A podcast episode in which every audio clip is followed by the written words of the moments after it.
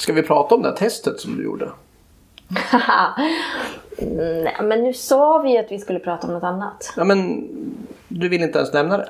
Men vi kan prata om det, absolut. Ja. Nej, men du gjorde ett... Eller du gjorde... Jag tvingade på dig. Jag, jag tryckte ett ADHD-test i ansiktet på dig. Det var kul. Ja, det är roligt. Ja. Vad tyckte du om svaren då? Resultatet? Vad jag tyckte om mina svar. Jag tyckte mina svar var korrekta. Ja, det, vad tyckte du om att utvärderingen av dina svar var? Det maskinell, den maskinella utvärderingen av dina svar? Men, nej, men det var väl att det var, vad var det nu då? Att jag... Mycket hög sannolikhet för ADHD. jag är inte förvånad. Nej. Nej, alltså för att jag har gjort sånt här test förut och då fick jag ju väldigt lågt resultat. Så jag kan känna att det är mer så dagsform. Eller vad jag känner för att svara på. Hur jag känner för att svara på saker.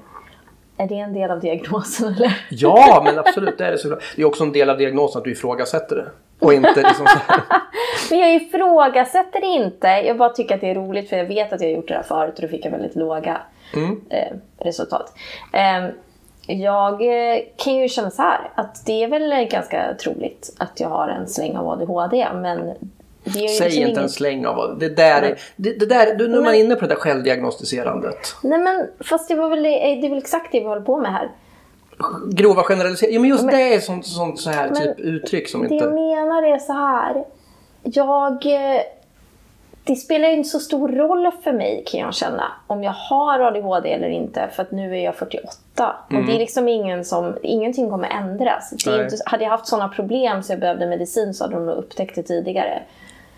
Ändå ganska väl fungerande. Jag har ju pratat med läkare och psykologer om det här. Alltså, jag har, har ju en läkare som vill, som vill, som vill skicka mig på liksom, en eh, utredning. Och så pratade jag med Men vet vad du sa då? Vet du vad du sa då? Mm. Not today Satan, not today. Eh, ja, fast med bättre uttal. nej, men, nej, men så pratade jag med en psykolog och så sa jag så här, fast jag känner kanske inte att det här är någonting som påverkar mitt liv särskilt mycket. Och vi pratade om det och hon var så här, hon var så här, vi kan göra det. Men eftersom du är liksom fullt fungerande och har jobb och funkar i samhället så kommer det inte leda till någonting egentligen. Nej. Det är väl lite så jag känner, att det spelar kanske inte så stor roll. Det är klart man kan få en diagnos. Kan ju vara kul. Kanske känner mig lite mer hemma på en stand-up-scen. ja, men det är. Fast du är inte jag- kille. Nej, det är det. Nej. Men man kan det vara är lite tjej av svårare att fixa. Man måste vara, som tjej måste man också vara rolig. Mm. Man ska stå på scen. Fast det är jag.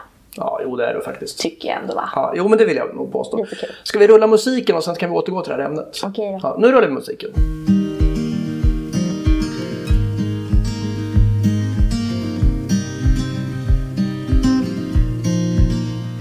Och nu har Hanna tvingat mig att säga så här. Det här är podcasten Hannas nya kille som ni lyssnar på. Och nu ska vi göra jävligt formellt. Det här är Hanna Hellström och Erik Rosenberg. Det var väl jätteformellt. Mm, det var det verkligen. Ja. Väl kanske. Vi har aldrig varit så seriösa. Jag känner att jag kommer av mig lite nu. Ja. Nej, men jag tänkte gå tillbaka till det där med att vara rolig och stå på scen. För vi är faktiskt med klubb nu. Ska vi börja där? Mm, kan vi göra. Ja. Vi hade premiär i torsdags Ja. på våran standupklubb Ja. som heter Hannas eh, Comedy Club. Ja, alltså, jag, jag tror inte att jag har landat än i allting. Nej, det var ju väldigt roligt. Det var slutsålt, jättemycket folk, världens mysigaste ställe på kvarterets eh, vinbar. Svinbra Rosengård i komiker. Uppsala. Jättebra komiker, jättebra publik, jättebra personal, jättemysigt. Eh, vi var sjukt trötta på fredag. Alltså jätte, jättetrötta. I alla fall jag. Ja, nej men jag var också... Det här är ju intressant för, för hur du och jag reagerade på den där själva... Alltså under dagen, hur våra humör och vår energi skiftade. Hur, hur mycket vi, olika vi fungerar. Jag var ju stressad kvällen innan och på dagen innan hade jag puls nästan hela dagen. Och sen när vi kom dit och hade börjat ställa upp allting, då blev jag jättelugn. Och då blev du stressad. Ja, och då var jag svinstressad. Nästan på den här punkten, du vet att man nästan blir sådär maskinell nästan. Att jag går in i mitt robotmodet som jag kan bli när jag blir stressad. Jag, pang, pang, pang, pang, pang. Men, men sen så tycker jag sen när vi hade fått in gästerna mer eller mindre. Då landade jag också. Och sen tycker jag det rullade på. Och sen så var det så här. Sen var du typ när vi hade klivit av, eller typ nästan. Du sa att din energi började dala där i slut, precis alltså när vi, när vi började bli klara. Och då var jag svin upp i varv tills jag satte mig i din soffa. Och då var det bara som att någon typ tryckte på off-knappen. Och vi åt oxpytt. Ja, Sen somnar vi. ja, nej men det var jätteroligt. Men, eh, nej, men det tar väl några dagar att landa kanske.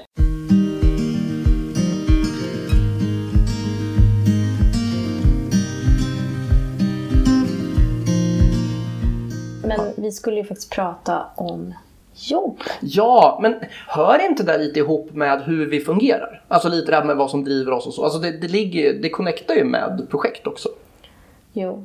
Fast det kanske Absolut. är fel ändå. Bör, vart, vart, ja, men vart, börjar vi då? Men jag vet inte, vi pra- vi, det var väl egentligen att vi började prata om att du eh, hade haft en utvärdering med din chef. Eller vad heter det? Ut, eh, utvecklingssamtal Ja. det. Och sen så vi, hade vi pratat lite innan om det där, att det är så himla konstigt med de här utvecklingssamtalen. Om man ska sätta upp olika mål och sen har man aldrig mött målen för att man har ju ett jobb att sköta. Men fan, kan man inte sitta och hålla på och så här. Nej, man kommer inte ihåg dem där. Man försöker klämma in dem de två dagarna innan utvecklingssamtalet och sen inser man att det här kanske jag borde påbörja tidigare. Eh, men, eh, men hon hade frågat vad du... V- vad som driver mig? Ja. Och det var, jag var så här, ja vad fan är det som driver mig? För att, och det låter ju som att jag koketterar. Ja, för jag drivs inte av pengar eller karriär egentligen. Jag har ingen mål om du vet, att jag måste bli chef eller att jag måste ha personal eller du vet att jag ska få en titel. Eller, och så här. Det är klart att jag tycker om att tjäna pengar. Och jag, jag tycker om, och det är ju så här om någon frågar så här, vill du ha 5000 mer, mer i lön? Absolut, självklart. Men det finns liksom inget, det är inget mål för mig att tjäna mer pengar. Den, Så vad är det som driver det? Lust. I princip allt jag gör drivs av att jag ska tycka att det är roligt. Och trivas med det och tycka att det är genuint spännande och roligt. Ja, jag är likadan. Vi är väldigt lika på det sättet. Gud vad tråkigt avsnitt det här kommer bli om vi bara, ja jag håller med. Jag tycker också så.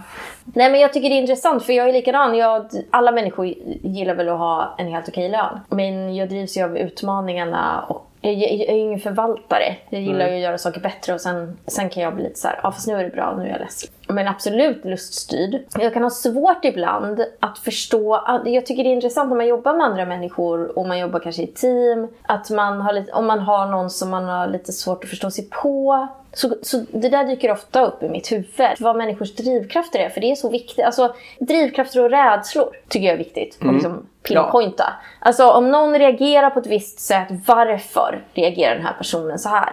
Är det liksom rädsla eller är det att det inte matchar mot drivkrafter? Alltså är någon som är just så här, eh, ganska självgående, kan tycka det är väldigt jobbigt att ha en chef som håller på att lägga sig i och petar. Ja, men, ja, det jag tycker är svårast det är ju de här som är svårast att förstå mig på. Det är de som är väldigt trygghetsmotiverade. Alltså de gillar när saker är förutsägbara och trygga. För jag, först, jag har jättesvårt att förstå det. Alltså även om jag förstår det så kan jag inte riktigt sätta mig in i deras, deras eh, hjärna. Hur de funkar. För att jag, det ligger så långt bort från mig själv. För jag är inte trygghetssökande alls. Jag är ganska riskbenägen och tänker inte ens utifrån de termerna. Jag är bara så här, det här vill jag göra, då gör jag det. Mm. Och du är precis som jag, att du tycker om förändring också. Ja, jag gillar, alltså det är inget självändamål men det går ju alltid, man, man kommer in någonstans och så ser man vad det är som inte funkar och så vill man förbättra det. Men eh, jag var på en workshop där, vi just, där jag just hamnade nästan i en diskussion med någon för att jag var så här, men problemet här är ju att vi har helt fel sätt att mäta hur vi jobbar. Om vi hade rätt parametrar, om vi hade rätt liksom, data och utgå ifrån vad är det för mål, vi, vad är det vi försöker uppnå istället för vi ska ta bort det här eller vi ska ändra det här. Så, men, men varför? Vad är det vi vill uppnå? Så skulle det vara lättare för oss att organisera oss för vi håller på med en organisationsförändring. Och då var hon så här, ja ah, men det är ledningen som ska bestämma det. Jag bara, ja fast vi kan ju fortfarande säga, vi tycker att det här är rätt eller fel sätt att tänka. Vi behöver veta mer, vad är det vi försöker uppnå de senaste tre åren istället för det här är det vi ska göra de närmsta tre åren. Alltså vad är målet? Vad är det för värde vi försöker skapa? Och hon, hon, kunde liksom, hon förstod inte alls. Hon var inne i sin roll, hon var väldigt, blev osäker och lite stressad av att jag ifrågasatte våra utgångspunkter. Alltså att jag ifrågasatte uppgiften. Det där märkte jag jättemycket när jag började plugga på universitetet också. Att folk var så här, men du kan ju inte ifrågasätta. Man hade seminarier och jag var så här, ja jag tycker den här frågan är felställd. De bara, men så kan du inte säga. Du låter Det- exakt som när du gjorde ADHD-testet. Jag tycker den här frågan är felställd. Ja. Men man får alltid ifrågasätta. Ja, det är klart man man får. får göra det och det är inget fel att göra det. Och i, i den här typen av situationer när det verkligen påverkar hur vi ska jobba framöver så är det jätteviktigt att vi liksom ska kunna skicka skicka iväg det uppåt. Att så här, men vi tycker lite att så här, det vi ska utgå ifrån är fel. Mm. Ja, vi tycker att vi ska utgå ifrån någonting som, där vi för, se, förstår vad det är vi vill uppnå. Inte bara det här de eh, aktiviteterna vi ska genomföra. För det säger inte så mycket. Men hon blev så uppenbart stressad över att jag ifrågasätter och jag gör ju det hela tiden. Jag är inte så van att få den responsen.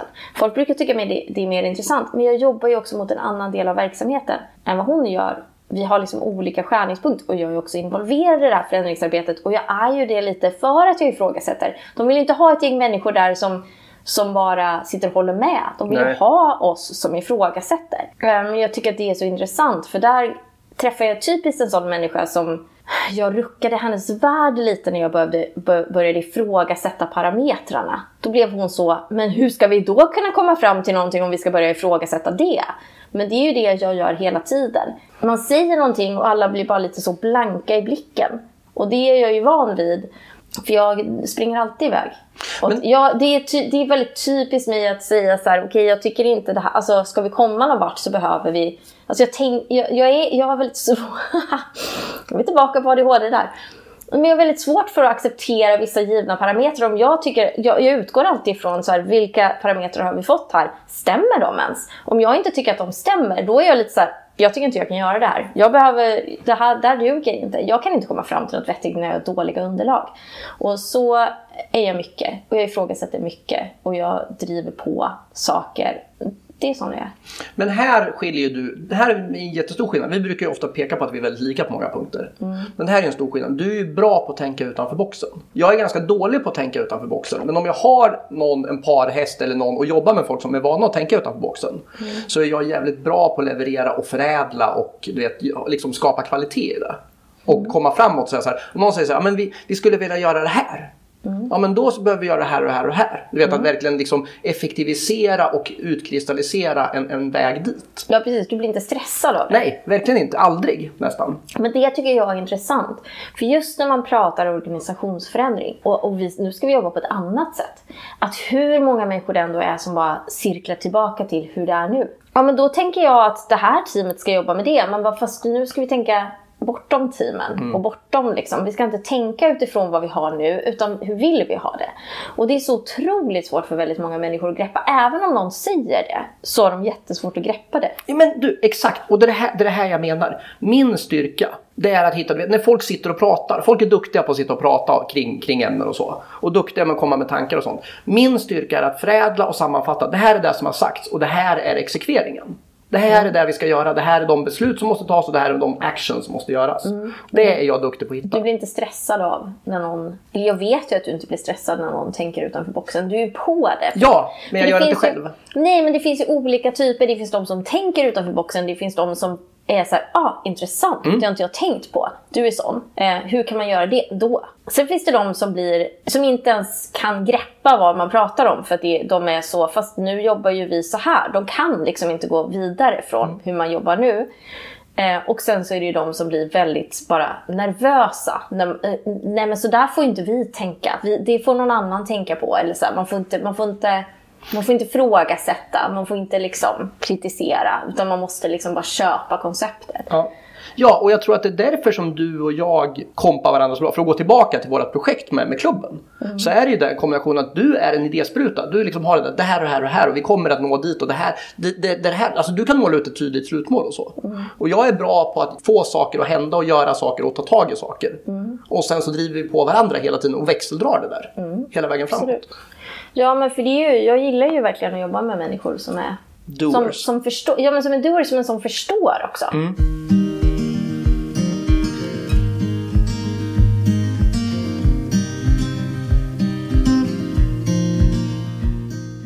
Jag vill gå tillbaka lite till det här vi pratade om det, du vet med trygghet. Mm. Jag har ett trygghetsbehov, för att det var också en sak som vi pratade om på utvecklingssamtalet på min nuvarande arbetsplats.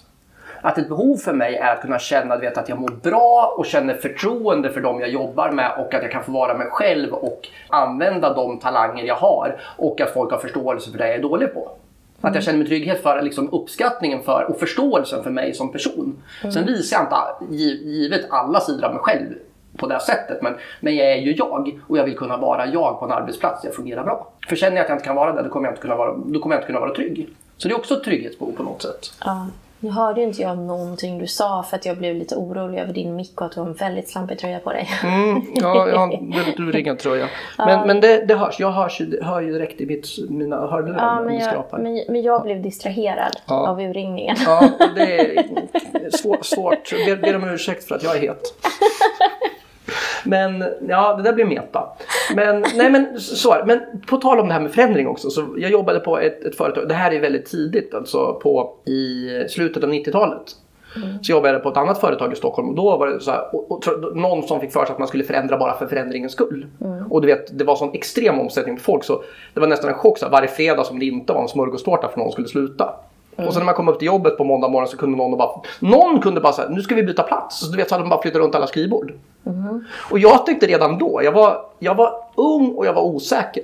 Och ganska otrygg i min, du vet, i min kompetens, i min roll. För jag hade liksom inte liksom, mejslat ut vad jag var duktig på. Mm. Men just den biten var aldrig jobbig tyckte jag. Jag tyckte bara så åh spännande, nu händer det något nytt här igen. Ja absolut, men sån är ju jag på jobbet också. Jag har ju ingen fast arbetsplats utan jag, eh, jag eh, när jag är på kontoret så flyttar jag alltid runt. Mm. Alltså jag sitter i möten väldigt mycket, jag har några favoritställen men jag har aldrig en sån, ja fast jag vill ju sitta där och jag vill ha mina grejer. Utan jag, jag är helt det enda jag kan bli stressad över är så här, ah, fast nu behöver jag, det här är liksom ett ganska privat möte och då vill jag kunna hitta kanske ett rum att sitta i. Men jag är helt så här, jag har inget som helst behov av att ha min plats Nej. som jag går till. Utan jag trivs med att så flyta runt hela tiden. Det trivs jag jättebra med. Alltså jag har snarare problem med när jag ska sitta på en specifik plats. Jag kan bli liksom väldigt så, jaha, här sitter jag på en stol vid ett skrivbord och stirrar in i en vägg och det är skittråkigt och jag känner att jag måste sitta. Alltså jag, jag föredrar ju att sitta och jobba i en soffa liksom. Mm. Men du och jag har ju kommit till en punkt nu i livet. Eh, och det är också lite det här som vi pratat om, det här som har följt den här podden från början. Den här begreppet som vi, som vi brukar skoja om, så här, mitt i livet. För det har ju lite med det att göra, att man är vid en punkt där både du och jag kommit, kommit till någon sorts nivå där man där man ändå kan ha förmånen att lite få jobba med saker som man tycker är roliga och som man är duktig på. Mm. Och det är inte självklart att, att det är så.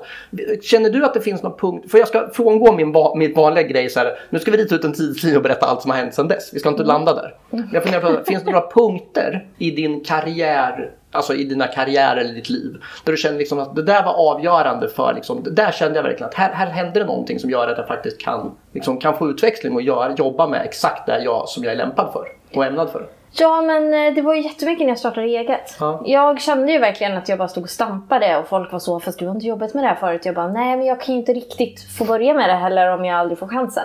Och jag blev frustrerad för att jag kände ofta att jag blev, folk var så, du är jättebra på det här, men du har fel utbildning. Eller det var någonting annat, det var alltid någonting. Så jag startade eget och då kände jag ju verkligen att det var en sån brant utvecklingskurva. Det där uttrycket är ju roligt för folk tror att man har en brant utvecklingskurva som har svårt att lära sig nya saker. Det är inte så människor. Brant utvecklingskurva innebär att man lär sig saker snabbt, att det går fort. Utvecklingen går fort, inte långsamt. Det är inte att det tar lång tid att ta sig upp för backen. Det är det de blandar, ihop, de, de blandar upp det med hög tröskel. Ja, det är möjligt. Mm. Det är fel i alla fall. Ja. Nej, men då var det en väldigt brant utvecklingskurva för det var väldigt mycket jag skulle lära mig under väldigt kort tid och komma in i allting och fatta allting och man får fejka mycket. Bara, ja, absolut, jag förstår absolut vad du säger, jag har ingen aning om. Jag försöker googla samtidigt som jag sitter i ett möte här.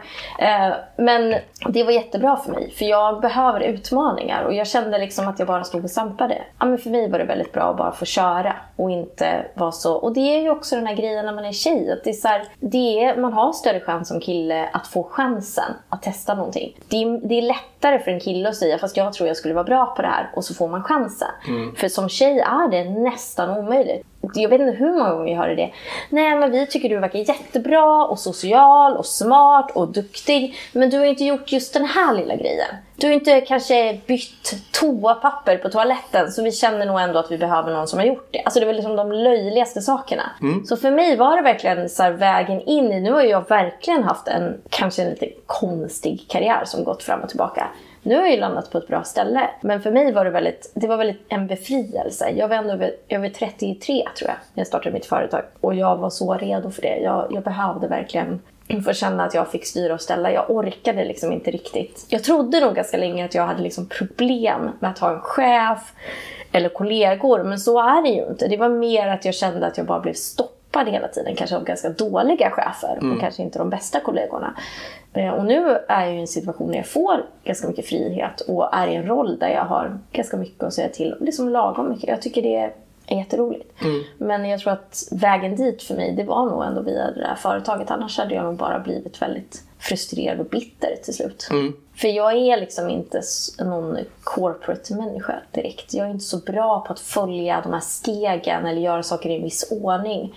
För jag går ju alltid in i allt och är så här, hur kan jag göra det här bättre? Och det är ju någonting som har varit från mitt första jobb.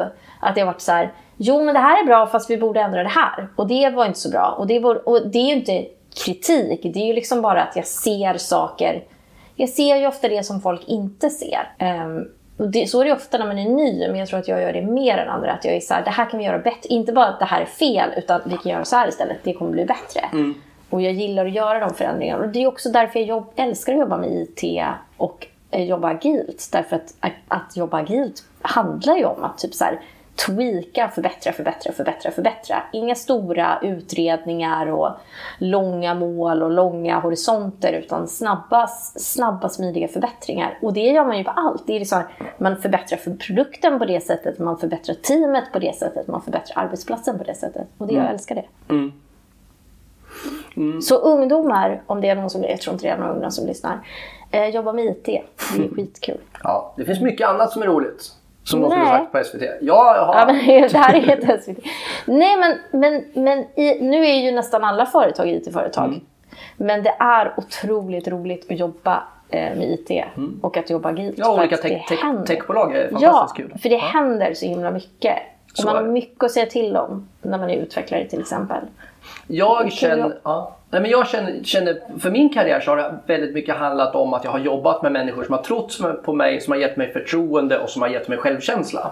Mm. Att, liksom så här, att visa så här, men du är duktig på det här och då kanske du inte behöver göra det här så mycket utan gör det på ditt sätt. Mm. Först så jobbade jag på, på SIFO, researchföretaget. Kommer det en timeline nu? Men det kommer ingen lång, ingen lång timeline, jag ska bara göra Ja. några korta Ja, nedslag. då. Och då handlade det väldigt mycket om att jag fick gå in och rädda kundprojekt hos en stor kund. De var, så här, de var supermissnöjda med hur vi hade hanterat dem. Och jag fick gå in och liksom styra upp och verkligen lyssna på kunder och de, vi vill göra så här och så kom jag med ett förslag på lösning. Och, de, och jag tänkte så här, men jag har ju lösning, jag kan hjälpa dem. Och det gav självförtroende. Sen så kom jag till, till ett tidningsförlag där jag i princip fick så här, u- utmaningen så här, du ska bygga en segmenteringsmodell, alltså en scoringmodell.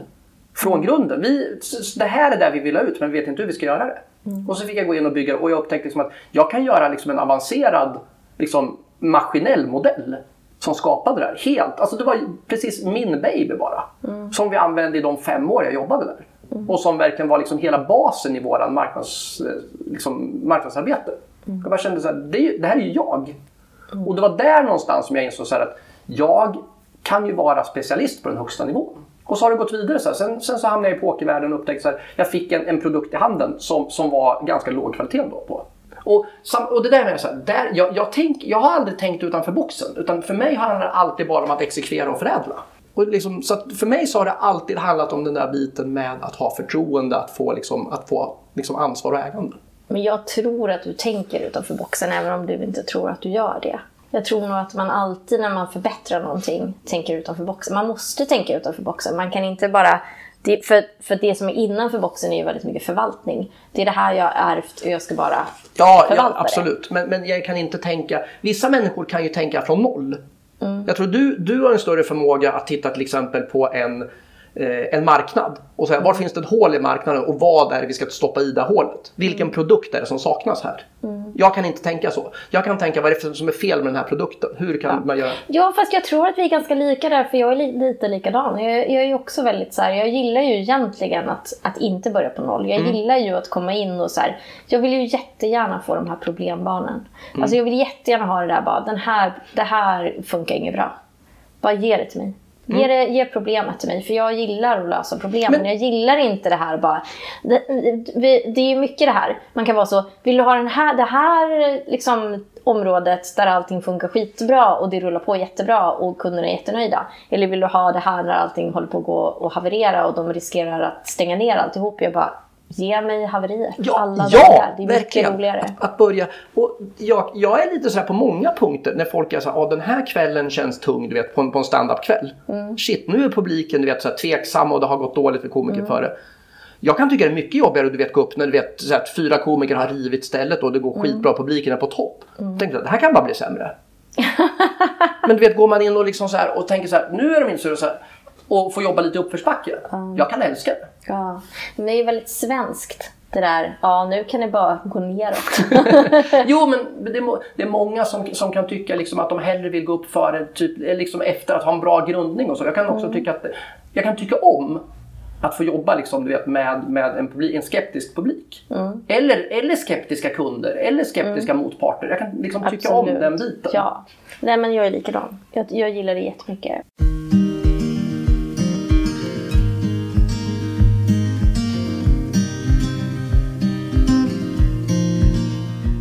Ja, men jag tycker det är intressant det här med, med driv, drivkrafter och just där. Vi vet, man vet ju själv vad man har för drivkrafter men just att man så här, när man träffar andra människor att man, när man inte riktigt förstår deras det är ju det att man till och med kan förstå deras drivkraft. Man förstår bara inte hur man ska hantera det. Jag har väldigt svårt med människor som är väldigt så trygghets... De vill ha trygghet, de vill ha stabilitet, de vill ha förutsägbarhet. Jag kan liksom inte hantera det. För jag blir Nej. så... Och då kan jag bli lite så, ska du verkligen jobba med det här? Vi, det finns ingen förutsägbarhet i IT-utveckling. Det kan ju smälla när som helst, var som helst. Man måste, det är alltid så, oj nu kastar vi oss på det här. Men, eh, men just att man, man behöver ju förstå andra människor. Det är en väldigt bra sak med att bli äldre också. Att man, förstår, alltså man har mer tålamod och mer förståelse. Man kan tycka att det nästan blir intressant. Nu ska jag försöka förstå hur den här personen funkar. När jag var ung så var jag bara så här, skitjobbig människa, jag vill inte jobba med den, han eller hon är dum. Nu är jag så här, ja men intressant, jag vill lösa det. Jag vill knäcka, knäcka den här nöten. Liksom. Se till att förstå och hur kan jag ta mig in, hur kan vi samarbeta? Det kan jag tycka är kul. Men så tycker jag att det är, är exakt så med människor. När man träffar du vet, nya kollegor. Eller typ när, du vet, när jag springer på en komiker jag aldrig träffat. Det här var typ du vet, en, en kantig person. Det här var ett jäkla pussel. Det är de människorna när man klurar ut dem som ofta vinner i längden. Att man bara känner sig, jaha det är så de fungerar. Och så liksom håller de Istället för, jag har ju ofta svårt vet, med den här direkta, du vet super liksom, chippigheten. Människor som du vet bara connect, vill connecta direkt. Och, liksom. Utan när de är lite kantiga, det uppskattar jag ofta. När man förstår sig på dem. Då, då sitter det där på något sätt. Ja. Acquired taste på människor. Ja men verkligen. Vi gillar ju eh, skumma människor. Ja. Det gör vi båda. ja, det gör vi, det gör vi båda.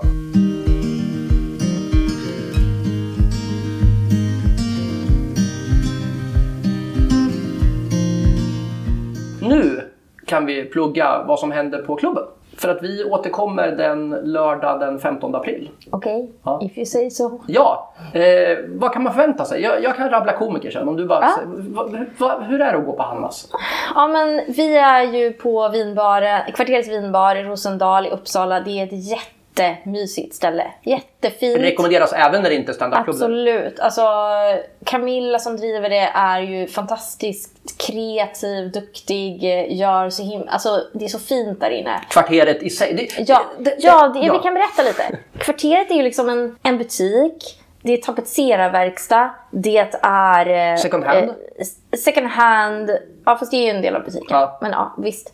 Eh, det är eh, café. Svensk Tenn möter Afrika. Det är eh, otroligt eh, unikt och charmigt och jätte, jättefint. Och hon är ju fantastisk på att liksom, eh, skapa en miljö som är jättemysig. Och sen så är det Hon driver det med sin man Marcus. Ja, Mm. och sen är det Hasse som driver vinbaren på kvällarna och som alltid har fantastiska viner och, jätte, och jättemysig stämning. Och sen har vi en underbar kock som fixar all god mat. Filip. Filip. Mm. ehm, som stod och slängde käft med komikerna i torsdags. Det är jättemysigt. Det är jättemysigt där alltid men när vi har Hanna så är det ju massa människor. Otroligt rolig blandning med människor. Och det var fantastisk stämning första gången. Jag är säker på att det kommer bli det. Ja, verkligen. Och återigen, komikerna verkade supernöjda, publiken var supernöjd, personalen var supernöjd och vi är otroligt nöjda.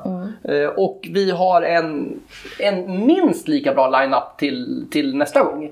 Med eh, E.J. Heatherbranch, eh, Cecilia Saberi, Agnes Hidvall och Branne Pavlovic. Ja, det kommer jätte, jättekul. Och eh, om ni inte redan följer vårt Instagramkonto som heter Hannas Comedy Club. Så, så gör det, för där lägger vi ut biljettlänkar och sen finns vi även på Facebook under samma namn. Ja. Ska du ha någon så officiell, så här, ska jag sjunga en avslutningssång eller ska vi ha en epilog eller tapto eller vill du ha något så här, Nej, men liksom, vi har fått feedback att våran... eh, feedback heter det. Eh, Fast det gör det verkligen inte. Ja, ja. Det där, det där skulle vi kunna fylla ett helt avsnitt om hur man uttalar olika saker. Det skulle bli väldigt tråkigt för alla andra tror jag. Ja, men väldigt kul för dig att få, få retas lite. Nej, men vi har ju fått lite feedback på att våran vår intromelodi inte, så, inte passar oss så bra kanske. Inte så kul. Lite för mainstream, Ja. men, men vi har... Men vi, vi jobbar på att fixa det. Ja. Något roligare. Jag kan hålla med. Ja, vi, vi, vi har en kompis som har erbjudit sig att skriva en, en introjingel till oss. Ja. Så det, det ska vi nog be Press på honom nu honom då. göra. Och leverera. Så är det. Ja, och, bra. och jag slänger också ut en liten shoutout. Så här, skicka om ni har frågor till oss eller ämnen ni vill att vi ska prata om eller allmänt frågor om oss, till oss, om något annat. Så, så skicka det i DM till oss på, på Instakontot. Så vet Mm. Och Hannas Comedy Club. Ja, exakt. För det, är- ja, det ska också sägas. Det är samma konto till, till klubben som till podden. Så är det. Ja. Vill du hälsa till någon? Nej.